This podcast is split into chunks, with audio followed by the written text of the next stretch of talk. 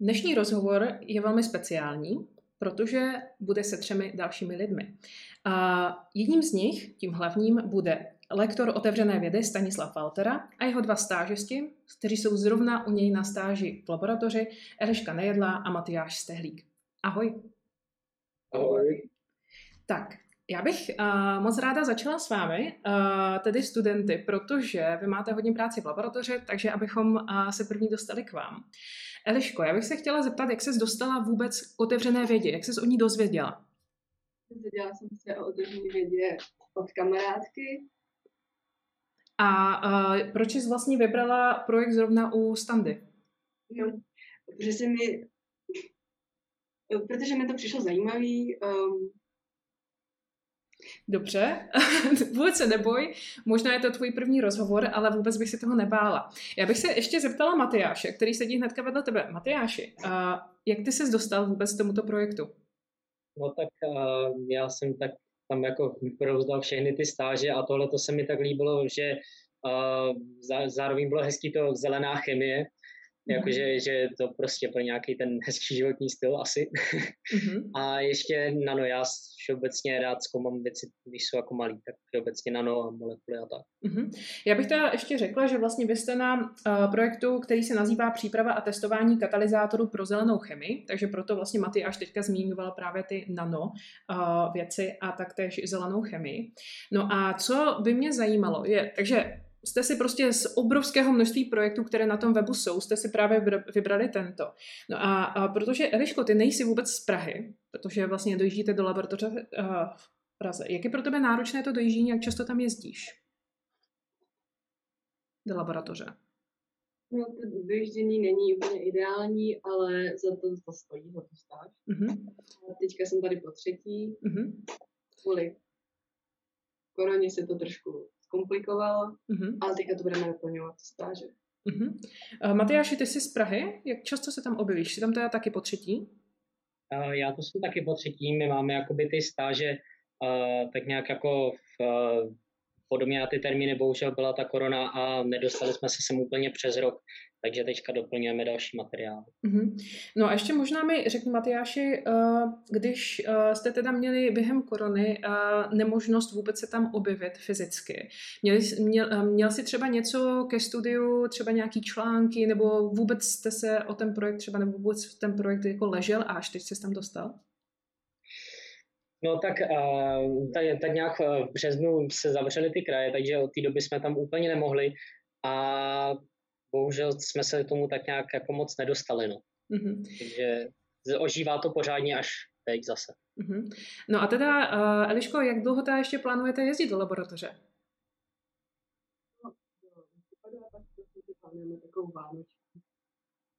Pojď ještě kousek ke mně blíž.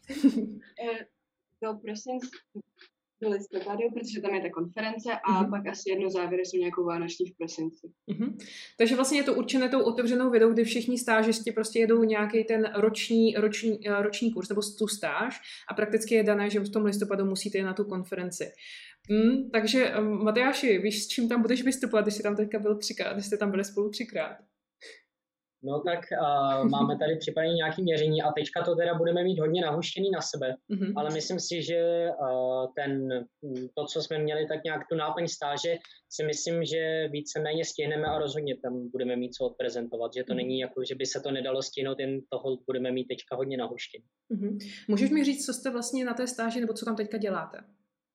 tak uh, my tady pracujeme s vybavením ohledně hmotnostní spektrometry, spektrometry dioptrie mm-hmm. a, eh, a všeobecně eh, tím vybavením pro výrobu nanokatalyzátorů. A zatím jsme se dostali k eh, třeba pozlacováním stříbra, teda, pardon, postříbřováním oxidu zinečnatého mm-hmm. a to jsme potom mohli zkoumat na, pod elektronovým mikroskopem, mm. nebo jsme třeba uh, sestavovali takové speciální buňky, ve kterých uh, se můžou zkoumat ty nanokatalyzátory a Prostě mhm. se seznamujeme s tím vybavením a s těma technikama, eh, které se používají při tomhle měření a testování. Uh-huh. Uh, Eliško, jak ti jde práce s hmotnostním spektrometrem?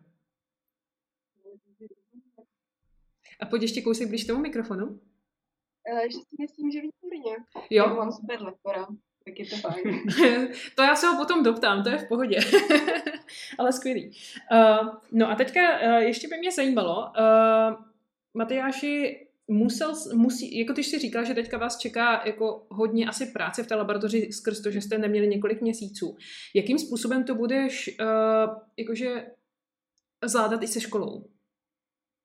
Tak uh, my si můžeme teda uh, vybrat, když sem tak nějak přijdeme, my se můžeme dohodnout se standu, který je poměrně otevřený většině termínů. Buď si teda můžeme vybrat víkend a nějak to kombinovat i se školníma dnama, ale já myslím, že to nějak zvládnu, no. Snad to nebude taková zátěž. Mm-hmm, dobře. Uh, Edeško, já se chci zeptat, plánuješ třeba kromě té závěrečné konference, kde s Matyášem budete prezentovat, co jste se naučili, co jste třeba vytvořili, uh, plánuješ i nějaké další aktivity, včetně nějakých soutěží s tím projektem? Teďka to přímo nemám na seznamu, ale asi něco bude ještě. Jo. Matyáši, máš to ty nějaké ještě vymyšlené? Třeba Sočku nebo nějaký různý další konference? No tak uh, já všeobecně, se, pokud to jde, tak někde jako se někde stavím na nějakou uh, přednášku nebo ne, všeobecně, když je nějaká takováhle uh, akce, která je uh, tematicky do vědy, a tak nějak se jako snažím účastnit všeho, co jde, ale uh, vyloženě konkrétně nějakou další konferenci nebo tak, tak momentálně nemám na plánu. Mm-hmm, super. Tak jo, uh, Moc krát vám děkuji za to, že jste přišli a udělali si čas, když jste teprve po třetí a zrovna vám ho teďka beru. Takže doufám, že se vám to podaří dokončit, tak abyste měli nějaké výsledky, které tam můžete prezentovat a určitě se mi třeba ozvěte. Mohla bych vám to nazdílet taky a trošku víc, třeba ten váš projekt. Takže děkuji za váš čas. Teda, tak to byla Eliška Nejdla a Matyáš Stehlík a hodně štěstí dál. Tak ahoj. Děkujeme. Naschledanou. Tak.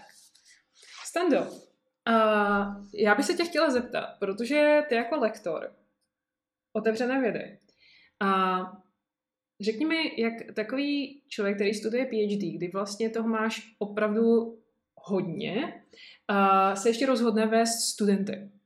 Jak se to stalo? Já jsem sám byl účastníkem vlastně otevřené vědy, už je tomu 8 let.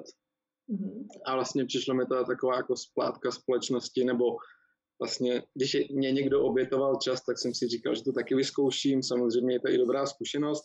Je pravda, že jsem si na sebe teda trošku ušil byč, protože tam můžu mít jednoho až tři studenty, tak já jsem chtěl, přišlo mi asi 20 motivačních dopisů, tak jsem si nemohl vybrat, tak jsem si vybral teda tři, což se ukázalo, že je teda fakt to hodně, že bych se jim měl jako opravdu věnovat naplno minimálně aspoň 8 hodin měsíčně na každého, proto se snažím vždycky ty stáže, aby přišly třeba dva, dva na jednou, takže ty to tak jako různě posouváme, ale myslím, jako jsem rád, že jsem se, nebo že jsem se přihlásil, je to fakt sranda s nima, jenom člověk musí hold obětovat nějaký ten čas tomu. Mhm. Mě zaujala jedna věc, že ti přišlo 20 motivačních dopisů. Řekni mi, proč zrovna, protože ty máš dát tři studenty, my jsme viděli dva, nebo slyšeli dva z nich, proč jsi vybral zrovna ty tři? Co tě tam tak zaujalo, že jsi vybral je? Já se ptám z toho důvodu, že studenti možná přemýšlí o tom, že se chtějí také přihlásit a vědí, že tam je nátřesk. A jak mají zaujmout toho mentora, toho uh, vědce, aby si vybral zrovna je? Co zaujalo tebe? Tak určitě je dobré napsat tam už nějaké zkušenosti. Samozřejmě přišel mi třeba jeden motivační dopis, kde bylo napsáno, ahoj, jmenuji se XY a jestli máš nějaké informace, tak mi napiš e-mail. No tak to jsem, přiznám, to jsem přeskočil. Je vždycky dobrý tam napsat nějaký text. Je pravda, že třeba zrovna uh, Týnu, která to je ta třetí studentka, která tady zrovna není, tak ta napsala teda jako opravdu krásný dopis. Tam teda možná se mi to zdálo až trošku přehnaný, ale jak to bylo tak krásně přehnaný, tak jsem to pak jako vybral. Bylo to takové ty, jako na můj vkus to bylo až možná moc, jakože to je úplně můj životní sen být stážistkou otevřené vědy, mm-hmm. ale vlastně bylo takový krátký, vtipný, dal se to číst, takže člověk vybírá něco, co je takový srozumitelný, hezky se to čte a je to trošku vtipný. Mm-hmm, super, děkuji za tipy a doufám, že studenti už eh, vidí, jak eh, se třeba k tomu motivačnímu dopisu postavit. No a teďka, je to teda poprvé, co vedeš studenty? Je to první ano. rok. Mm-hmm, super. No a teďka uh, nějakým způsobem si právě vybral ten konkrétní projekt. Je to něco, na čem pracuješ sám na svý, na, jako kdyby na doktorátu? No, no, já jsem spíš jakoby člen oddělení nanokatalýzy a vlastně Zrovna teďka jsem dostal, za, nebo mým jakoby vědeckým projektem je nějaká je to, je to oxidativní dehydrogenace, takže my se vlastně z organických látek snažíme jakoby urvat vodík. A myšlenka jedna z těch možností využití je právě skladování vodíku nějakou jinak než jenom toho plyného, takže tím se zaměřuju a právě když jsem vybíral téma té otevřené vědy, tak jsem se to snažil zaměřit tímhle směrem. Přímo se s těmi studenty, nebo v druhé části, nebo v druhé části v těch nadcházejících dnech a setkáních se budou zkoušet vlastně i měřit ty reálné vzorky, které my tady teďka děláme, ale já jsem hlavně chtěl, aby si vyzkoušeli spoustu metod, tak právě na začátku jsme zkoušeli připravit nějaké větší katalyzátory, podívat se na ně pod elektronovým mikroskopem, ale aby to nebylo tak, že oni za mnou budou sedět a budu někde jezdit myší a ukazovat jim, ale aby si sami mohli vlastně s tou myší v vozovkách hrát a jezdit po tom vzorku, přibližovat a mohli tak říct, že pracovali s elektronovým mikroskopem. Mm-hmm. Takže prakticky říká, že uh, se snažíš dávat důraz na to, aby ty studenti si opravdu šáhli na tu vědu, na ty techniky, aby tam nebyli jenom ti, jako kdyby jak na nějaký přednášce a koukli jak to děláš. Takže no určitě, jo. protože za prvý by to nebavilo je, já bych za těch 8 hodin ztratil hlas, ale právě snažím se, aby si fakt vyzkoušeli jak i tu zábavnou část, tak dneska třeba zkoušeli kalibrovat, což je taková možná méně zábavná část, když člověk vlastně někde u něčeho jako v pozovkách sedí a vždycky jako změní hodnotu, počká, jak se změní, zapíše a takhle to dělá třeba dvě hodiny, ale myslím, že je zase jako dobrý ukázat, že to fakt není, nebo že, že je to opravdu i o té práci, že to není jako jenom zábava. Uh-huh. Dával jsi mi třeba k dispozici na začátku nějakou literaturu, kterou měli nastudovat? Uh, ještě ne, právě přemýšlel jsem, že to vložím spíš až do té druhé půlky, když až začneme opravdu pracovat na těch jakoby reálných vzorcích, tak bych jim ukázal, na čem už třeba někdo pracoval, ale přišlo mi, že na začátku už jenom třeba snažit se seznámit s tím principem, jak už se zmiňovala, hmotnostní spektro, Metr. Skopy, já vždycky nevím, jestli to je skopie nebo metrie, ale Aha, to, to, je pravda, to u vás vlastně nevím, pardon. spektroskopie, hmotnostní Takže, spektroskopie, jo, dobře. Uh, že už jsem to několikrát opravdu vždycky zapomenu, jak to správně je. Takže tak a už jenom vlastně vysvětlit, vlastně oni to jsou středoškoláci, mám tam, myslím, jeden z nich je v prváku, jeden v druháku a ve třetíku, takže vlastně i ty základy fyziky tam někdy úplně zase takové nejsou, takže se vlastně snažím spíš vysvětlit to a ten vědecký článek určitě pak třeba aspoň jeden ukázat ideálně z naší tvorby. Mm-hmm. A, ale ještě jsem jim tím úplně nechtěl půjít hlavu. Uh-huh. Uh, myslíš, že uh, no, tím pádem, uh, já jsem se spíš chtěla zeptat, jestli jim budeš dávat v angličtině, to by mě celkem zajímalo, jestli s tím poperou. uh, oni takhle, oni v češtině ani nejsou. jo, dobré, takže stejně budou muset v angličtině, tak to je, to já, je ale dobré. řešili jsme to, já jsem jim říkal, že všechno je v angličtině, já myslím, že nikdo nemá problém. Uh-huh. To, co jsme dneska řešili, nějaký anglický certifikát, že by někdo chtěl. Mm-hmm. No a teďka uh, prakticky teda uh, otevřená věda to má opravdu jakoby nalinkované tak, že většinou během podzimu, většinou je to, v to byl listopad, a během celého listopadu vlastně dochází k té registraci, takže lidi uh, si vybírají, nebo studenti si vybírají ten uh, projekt, napíšou motivační dopis a potom vlastně ty máš, tvou prací je vybrat právě jednoho z těch, nebo dva, tři, že jo, uh, z, těch, um, z těch lidí, co ti to pošlou. No a teď uh, prakticky během toho celého roku, což teď se ti, uh, teď se to trošku letos uh, úplně nepovedlo, uh, pracují na projektu a na závěr ho prezentují. Uh, ono totiž uh, budeš jim nějakým způsobem pomáhat třeba s tvorbou té prezentace, anebo, nebo jim to necháš a uvidíš, jak se s tím poperou sami? My jsme to už dneska řešili, Aha. právě ta jejich konference by měla být, myslím, 12. listopadu nebo někdy v tenhle termín a jsme vlastně domluveni, že oni do konce října musí poslat nejdřív nějaký abstrakt A4 s textem, a, a takže jsme se bavili, že oni nejdřív něco sepíší, já jim k tomu něco řeknu, oni to pak opraví, ale určitě bych jim to nechtěl psát sám. A to samé s tou prezentací, oni si nějakou připraví a pak se jednou sejdeme jenom třeba kvůli té prezentaci. To se dá dělat i na dálku, to se nemusí třeba ani jezdit. Oni si navrhnou, oni na to mají sedm minut na tu prezentaci, což není moc. Takže něco vymyslí, odprezentují, a jim k tomu něco řeknu, nějaké poznámky, oni to upraví, odprezentují ještě jednou, a, ale určitě bych jim to nechtěl dělat já. Uh-huh. Uh, ještě mě zajímalo, protože já jsem se jich ptala, což si před chvilkou slyšel, uh, jestli třeba s tím mají další plány. Jelikož jsi řekl, že jsou to prváci, druháci, třetí, asi, což znamená, že mají ještě někteří z nich jako celou střední školu před sebou. Uh, Budeš uh, nějakým způsobem podporovat třeba, aby se přihlásili do sočky nebo podobných uh, soutěží, které vlastně prakticky navádí přímo jakoby hodně, hodně studentů z otevřené vědy se jakoby těchto věcí účastní. Přemýšlel jsi, že na to budeš motivovat? Musím se přiznat, že jsem nad tím ještě nepřemýšlel, ale určitě s těmi výsledky měli bych mít poměrně hodně, takže když pak bude někdo chtít, tak to můžeme ještě trošku rozvíjet a pokračovat na tom. Mm-hmm. Ono, jediná věc bude to, že oni jsou tři, ano, na tu sočku je dobré, když jenom jeden. Takže třeba, třeba Týna možná potom uh, se v tom najde sama. Uh, když teda je super, že si vzal i člověka, co je v prváku, který vlastně pravděpodobně nemá ani pořádně základy třeba chemie, fyziky, tak uh, by mě ještě zajímalo, jestli třeba preferuješ raději studenty třeba z nějakých čas, uh, z průmyslovek, které, kteří mají už více jakoby ty odbornější předměty jako chemii a fyziku, nebo, je, nebo třeba preferuješ Gimple, protože tam více ty teoretické pří, přípravy, nebo je ti to jedno? Při tom výběru jsem to neřešil, mm. ale nakonec tu mám vlastně dva gimpláky, to byly teď, co byly na začátku, za třetí to je z chemické průmyslovky hmm. Ostravy dokonce, nebo z Olomouce, teď si úplně Já si, já si myslím, že je z Olomouce. Já si myslím, že je z Olomouce, protože uh, si myslím, že jsem tam se koukala na ty tvoje studenty. Ale dojíždět z Olomouce, tak to je fascinující. Myslím, že tak ve čtyři ráno stává.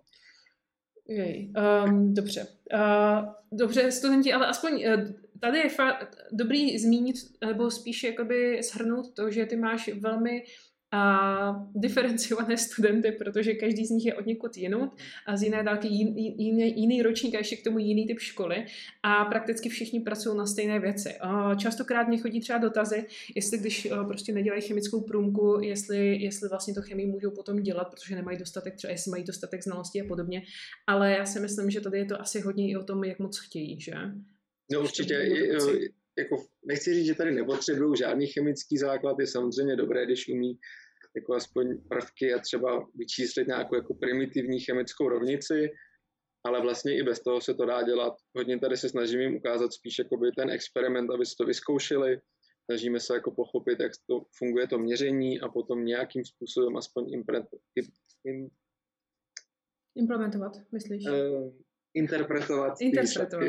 uh, no a já jsem se chtěla zeptat na to, že když jsi teda říkal, uh, že jsi sám prošel otevřenou vidou, vzpomeneš si na to, co ti třeba ten projekt dal a na čem jsi pracoval?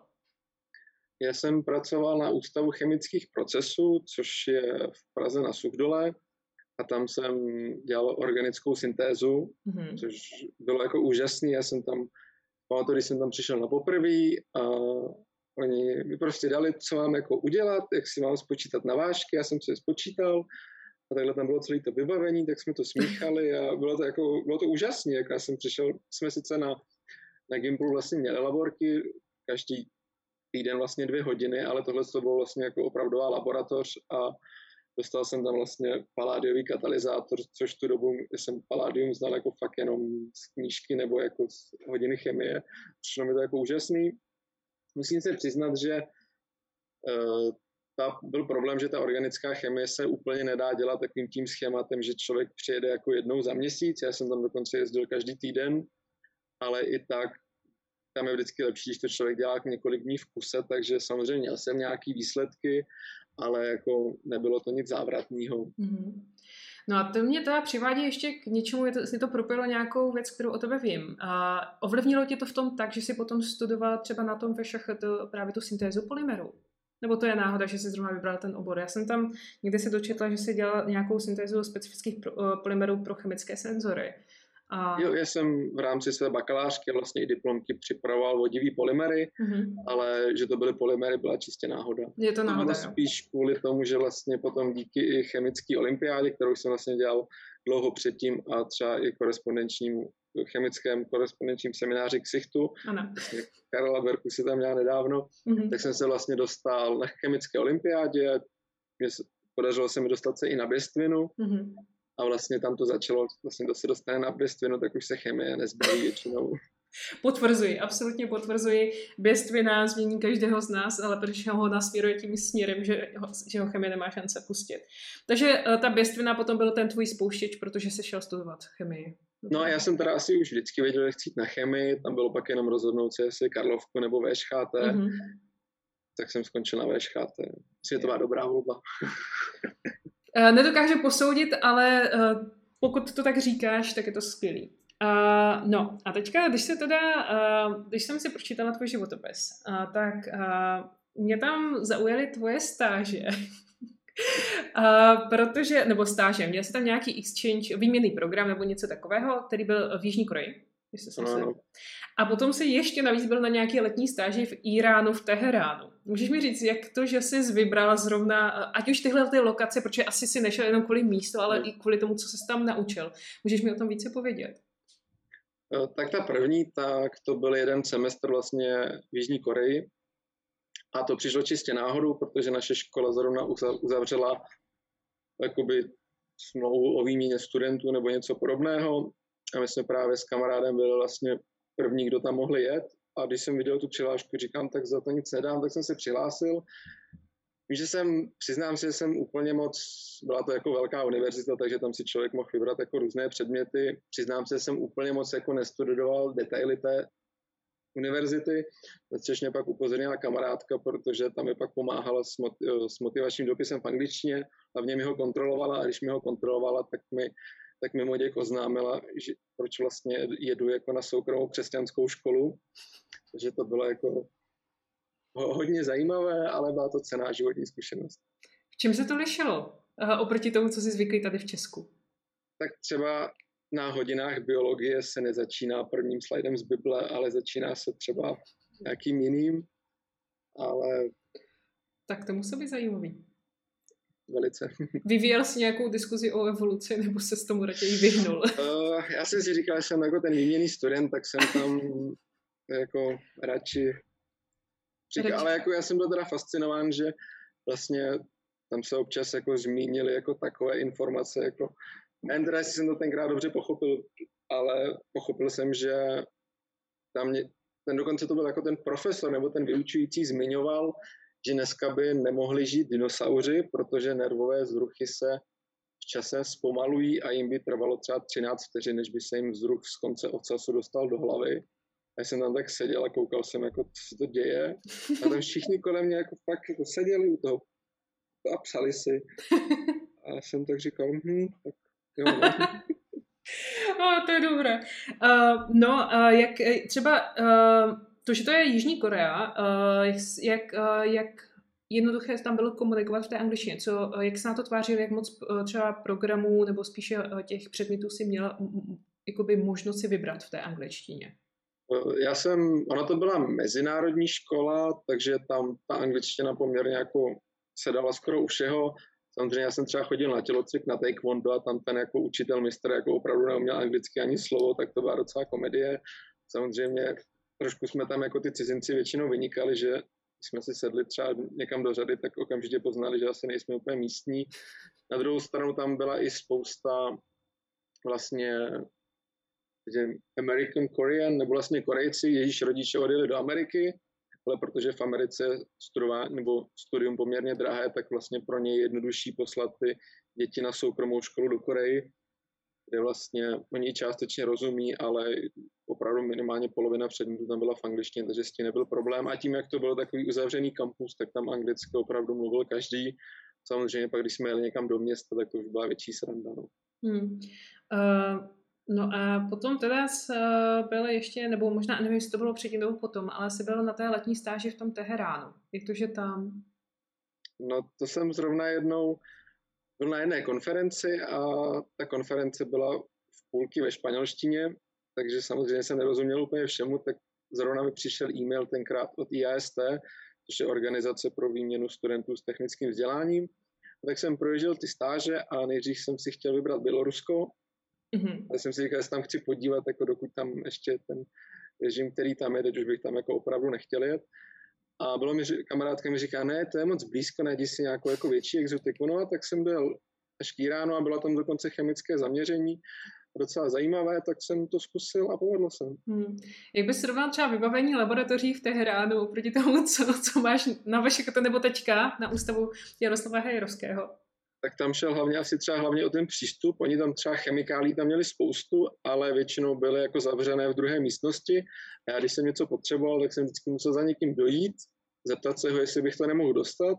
Oni mi většinou řekli, že mají nějaké setkání nebo meeting a že přijdou za dvě hodiny a ty chemikálie dostanu. A když jsem se zeptal za tři hodiny, kde vlastně jsou, tak mi řekli, že šli domů. A takhle to jako, já jsem tam byl šest týdnů, no, jako snažil jsem se něco dělat, ale moc to nešlo, no.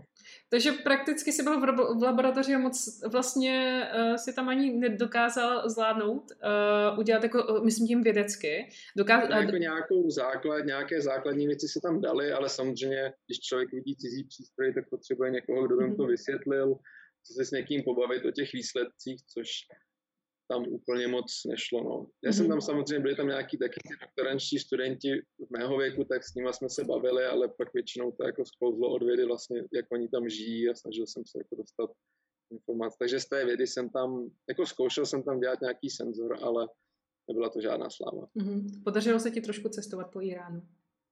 Podařilo, měli jsme potom vlastně tam vyhrazený na to dokonce celý týden mm-hmm. a to bylo jako úžasný. No. Co jsi všechno viděl? Vzpomeneš si na něco? No my jsme jeli takovou osu vlastně z toho Teheránu, který je tak jako plus minus na severu a jeli jsme, že to byl organizovaný výlet až na jich, takže tam jsou různá města jako Esfahan, mm-hmm. Prostě Bandara jako vás, možná jste se dostali až no. dolů uh, do toho přístavu. Já jsem byla v Iránu dvakrát na docela dlouhou dobu, takže, uh, takže uh, proto jsem se toho docela chytla, že mě to zaujalo. Jo, to právě k Bandarabasu, tam jsme potom, vlastně my jsme jeli až někam jako hodně na jich, ale pak se vlastně ta oficiální skupinka odpojila a my jsme ještě se třema klukama právě letěli na jich a jeli se tam podívat na ty ostrovy. A bylo vtipný, že mě právě v tu dobu museli nějak prodloužit výzum, takže jsem si ten pas musel nechat v Teheránu, jenom jsem si ho okopíroval a na letišti mě do letadla pustili s okopírovaným pasem Říkám, nic jiného nemám. A oni vždycky se tak jako kroutili, že zavolají jako nějakého manažera, tak jsem tam vždycky tak stál, jako koukal jsem na ně a jim to asi bylo nepříjemné, tak mě poslali dál. No, jsem jezdil vlastně jenom s okopírovanou A4 a dostal jsem se, jako dvakrát jsem letěl a pak zase zpátky až do Teheránu. Tak teď si mě dostal tím, že jsi vůbec letěl. Protože no, to...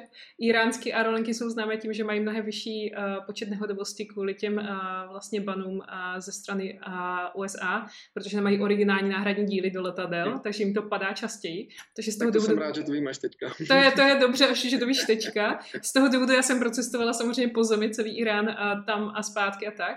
Ale, ale dobré slyšet si tady, takže, takže to super. No, takže uh, díky za to na sdílení, že i do, um, do Iránu se dá dostat. Uh, letěl bys tam znova?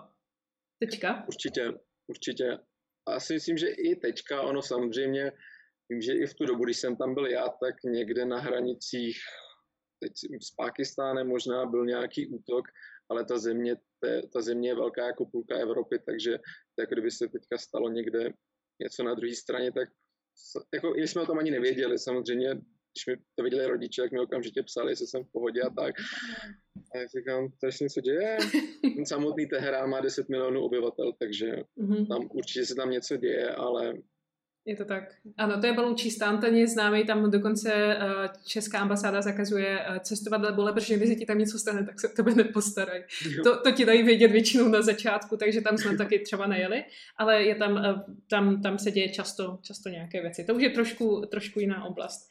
Dobře, ale abych se tady ne, nedostala jenom k těm cestovatelským zážitkům a vrátila se zpátky ke vědě, Uh, tak já bych ještě chtěla samozřejmě se dostat um, k tomu, co děláš teďka. Čím se vlastně zabýváš a kde jsi? Takže já jsem tady na Ústavu fyzikální chemie Jaroslava Hejrovského v Praze na Ládví a jsem v oddělení nanokatalýzy.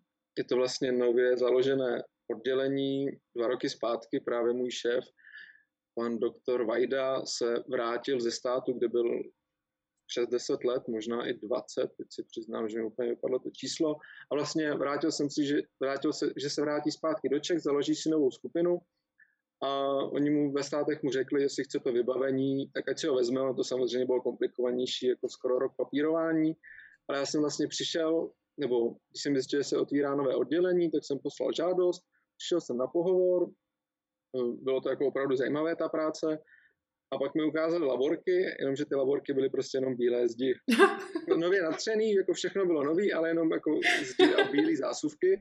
Tak říkám, no a no to eh, vybavení asi za chvilku přiletí. No tak za dva měsíce potom v prosinci přiletělo letadlo plné vlastně laborky ze státu. A my jsme ho tady potom jeden den pak přijeli všechny ty kontejnery k nám na dvůr a stěhovali jsme to. Byly tam ještě dvě aparatury, které se úplně nedali jako rozebrat, takže jsme museli vybourat okno, topení a vlastně do třetího patra nám sem stěhovali vlastně tu novou aparaturu vlastně největším jeřábem v Čechách. To byl jako super zážitek. Wow, tak to je hezký za- začátek teda uh, vědecké činnosti. Jo. Ale je... tím, uh-huh. A měl jsem vlastně taky super, nebo vlastně obrovská výhoda byla v tom, že jsem vlastně nepřišel už k hotové aparatuře a vlastně sám jsem si pak musel vlastně postavit, takže vím vlastně, ke, jak je ke všemu, jaký šroub k čemu patří, kam vede který drát, takže vlastně když se něco stane, tak vím, co můžu opravit, nebo že musím někoho sehnat, kdo mi to opraví ale že to není takový ten black box a opravdu jako vím, co se tam děje, mm-hmm, což je jako super zkušenost. No to je hodně cool, to je hodně cool. Tady k tomu bych možná jenom se spíš zeptala, protože to není úplně tradiční věc, která v Česku je. Ono totiž, eh, pokud teda je profesor z, z Ameriky, eh, je to tam tak, že když dostane někdo grant a pořídí si za to eh, vybavení, tak to nepatří vlastně té laboratoři, ale patří to tomu člověku, který ten grant dostal, tím pádem proto si to mohl převést, jako byste Ameriky? Nevíš náhodou? Uh, já úplně nevím, jak to přesně, mm-hmm. vím, že určitě na tom jsou inventární štítky, jakože to je té laboratoře, mm-hmm. ale myslím, že tím on, že tam vlastně skončil a neměl úplně, kdo by to tam potom převzal, jo. protože samozřejmě každý má, tak místo toho, aby to leželo ve skladu, tak že to byl hodně tvrdý byrokratický boj, ale že se jim podařilo to převést. Mm-hmm, to nebo takhle, oficiálně, nebo převést, no. Jo, to je, to je hodně cool, no. To, je, to, to, to mě vůbec nenapadlo, že takhle někdo začíná svou práci a tím, že si sestaví celou laboratoř sám jo. z toho, co mu dává. Jako, bylo to fakt super. Samozřejmě je super přijít jako k novému elektronovému mikroskopu třeba, jako hrát si s ním, ale když člověk vlastně neví, z čeho je složený, tak to je opravdu jen takový jako hraní si s myší, taková počítačová hra, ale tohle opravdu, jak jsem skládal jako kousek po kousku, tak to jsem si užíval. No a řekni mi ještě, eh, proč člověk jako ty, takový cestovalý, se nakonec rozhodl zůstat v Česku na PhD? Já jsem vždycky měl rád ty svoje výjezdy, ale vždycky jsem se jako i těšil, že se vrátím zpátky. Samozřejmě musím si přiznat, že jsem tak jako doufal, že si z toho doktorátu udělám takovou malou cestovní kancelář, ale pak přišla korona, no tak jako samozřejmě, když má člověk výsledky, tak potom může mm-hmm. občas někam vyjet.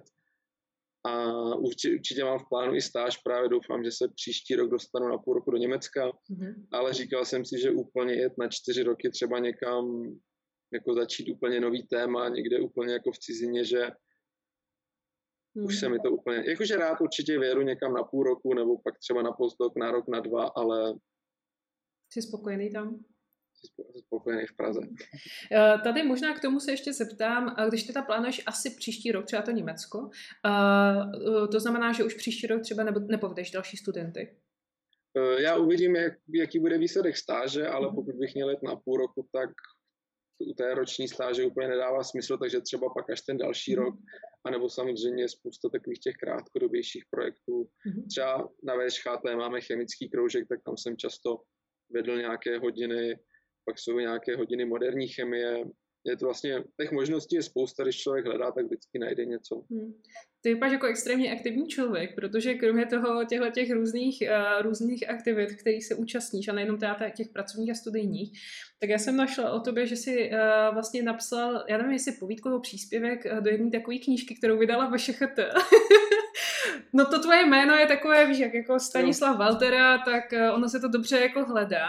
Tak uh, ty si přispíval vlastně do, do sbírky, bych to asi popsala jako robot 100, 100 rozumů, který byl k, k 100 letému výročí, uh, vlastně to se týče, uh, tam to souviselo s Karlem Čapkem, když vydal uh, RUR, nebo? No, vzniku slova robot. Vzniku slova takže robot, vlastně takže ano, RUR. Uh, mohl bys mi, proč, ty, ty nějak víc píšeš, nebo jak se to stalo? Ne, já vlastně, Jitka Čejková, editorka té mhm. knížky, tak je moje kamarádka a potřebovala tam napsat jednu kapitolu mm-hmm. a slíbili to někdo jiný a ten jí to pak nakonec odřekl. A tak přišla za mnou a říká, si chci něco napsat, říkám, tak určitě něco vyzkoušíme, dvě a čtyřky, to není problém, jako byl to problém, jako napsat nějaký ucelený delší text. Ano, to ještě bylo takové jako hodně si jako vymýšlet, takže... A o čem se psal? Bylo to vlastně ona chtěla vlastně, aby v té knižce byly na to slovo robot nebo na to RUR jako pohled jako ze všech stran. Mm-hmm. A vlastně dneska tak, nebo chtěla tam vlastně, nebo napadlo, jestli tam třeba není nějaký jako LGBT pohled nebo nějaká myšlenka v té knížce, mm-hmm. tak jsem říkal, no tak uvidím, já jsem RUR četl vlastně k maturitě, tak něco málo jsem si pamatoval, tak jsem si to pak znova přečetl, vlastně pustil jsem si audioknihu, už jsem byl mm-hmm. pohodlný. A jsem tak jako poslouchal a jak je to vlastně RUR, tak je to vlastně čistě ta mužská společnost, tak jsme tam pak jako přišli trošku, je to takové jako sci-fi, pár lidem se to i hodně nelíbilo, jakože je to moc, ale to přišlo taková, jako Jo. Takový zaj, zajímavý rozbor o, jako o ostrově, kde žijí vlastně jenom muži a mají tam vlastně jenom dvě služky. Tak to se tam vlastně jako... Jo, takže, takže proto jsi vybrala ten pohled na tu homosexualitu možná, že tam jsou nějaký skryté věci. OK. Uh, je, to, je to zajímavý pohled, samozřejmě uh, já myslím, že koho to zajímá, tak si, tak si to najde. Uh, tam jako, přispívalo velké množství lidí, no. Kontroverznější možná zrovna tahle ta kapitola, ale Jo. Uh, je to ale super, super vidět, jo? Že, že máš tak uh, uh, všestraný, všestra, všestraný záliby a ve skutečnosti se to spíš vypadá tak, jako že se chytáš, tak něco přijde a prostě se toho chytneš jo, a uděláš no, to. No. Určitě bych ještě zmínil, ještě máme dokonce s kamarádkou, máme jeden příspěvek v časopisu Paní domu. a o čem to bylo? Tam to bylo o vyrábění žele, žížel různobarevných a tak, takže taková je. jako chemie na doma malá. Jo. To možná ještě souvisí s, těma workshop, s těmi workshopy molekulární gastronomie, co jsi měl, ne? Já jsem... Jo. To... Já jsem vlastně přes kamarády, kteří s tím jo. začal, nebo začali, ono určitě vždycky se někdo najde, kdo s tím dělá, právě na VŠKT vlastně začínali s tím, dělali nějaké workshopy vlastně i pro školy, nebo pak na takových těch různých jako veletrh vědy. A vlastně tím, jak byli starší, tak už na to neměli tolik času, tak vlastně hledali někoho, kdo to po nich v vozovkách převezme. Takže já jsem se připojil, byl jsem vlastně jeden z nich, co v tom jako pokračoval. Dokonce jsme i na VŠHT teď otevřeli laboratoř molekulární gastronomie, hmm. takže máme přímo jednu vlastně místnost, kde se vlastně s tím dá pracovat a může se tam člověk různě hrát v vozovkách sídlem a přetvářet to třeba do jiných skupenství nebo chutí. Mm-hmm. Kdybys náhodou měl nějakou akci, klidně mi napiš, já to moc ráda budu sdílet eh, na, eh, na svým projektu Olinium, na někde na sociálních sítích, protože to si myslím, že je dost zajímavá aplikace, ať už trošku jako takový praktický fyziky s těma skupenstvíma, ale možná i s tou chemií. Uh, jako musím říct, že já kdybych mohla, tak se k tomu přihlásím hrozně ráda na projekt. Fakt moc ráda. Uh, možná, uh, jestli bys na závěr mohla třeba um, říct potenciálním zájemcům nejenom o tvůj projekt, ale o to, že, se, že by se přihlásili na nějaký projekt, na nějakou stáž v, otevřené, uh, v projektu otevřené vědy, co bys jim třeba vzkázal? Napadá ti něco, co bys jim chtěl říct? No, ať se určitě přihlásí. ne, tak uh, vždycky záleží od toho člověka, ten člověk by měl být minimálně trošku jako komunikativní, samozřejmě, když, když bych tady pak někoho ved, samozřejmě vždycky začátku, třeba tady ty studenti taky tu první hodinu byli takový jako tiší, moc se jim jako úplně do toho, a na té druhé už, už se probrali, už byli jako aktivní. Samozřejmě člověk tady pak nechce trávit 8 hodin s někým, kdo jenom jako tak jako tiše kouká, bojí se na cokoliv šáhnout. Když už vás někdo vezme do laborky, tak jako ví, že tam nemůžete úplně něco jako rozbít, takže se určitě jako nebojte a prostě se přihlašte, najděte si nějaké zajímavé téma, které vás zajímá. Jsou tam jak humanitní obory, tak vlastně i přírodovědné, myslím už dneska, nebo už tam jsou i teda humanitní, tak přírodovědné. Takže tam určitě každý něco najde. Myslím, že si člověk může přihlásit i na víc stáží, tak se toho nebát. Vlastně tam jediný je ten startovací bod, taková ta aktivační energie, opravdu jako napsat ten, jako udělat si životopis, napsat motivační dopis, čeho se pak každý bojí, že neví, co tam má napsat, že třeba nic nemá, ale ono se vždycky dá něco vymyslet. Mm-hmm. No, tak moc děkuju, Stando.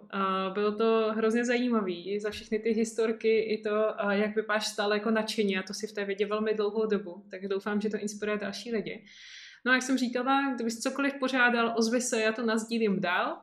No a budu se těšit třeba na další spolupráci. Takže měj si hezky. Ty taky, ahoj. Ahoj.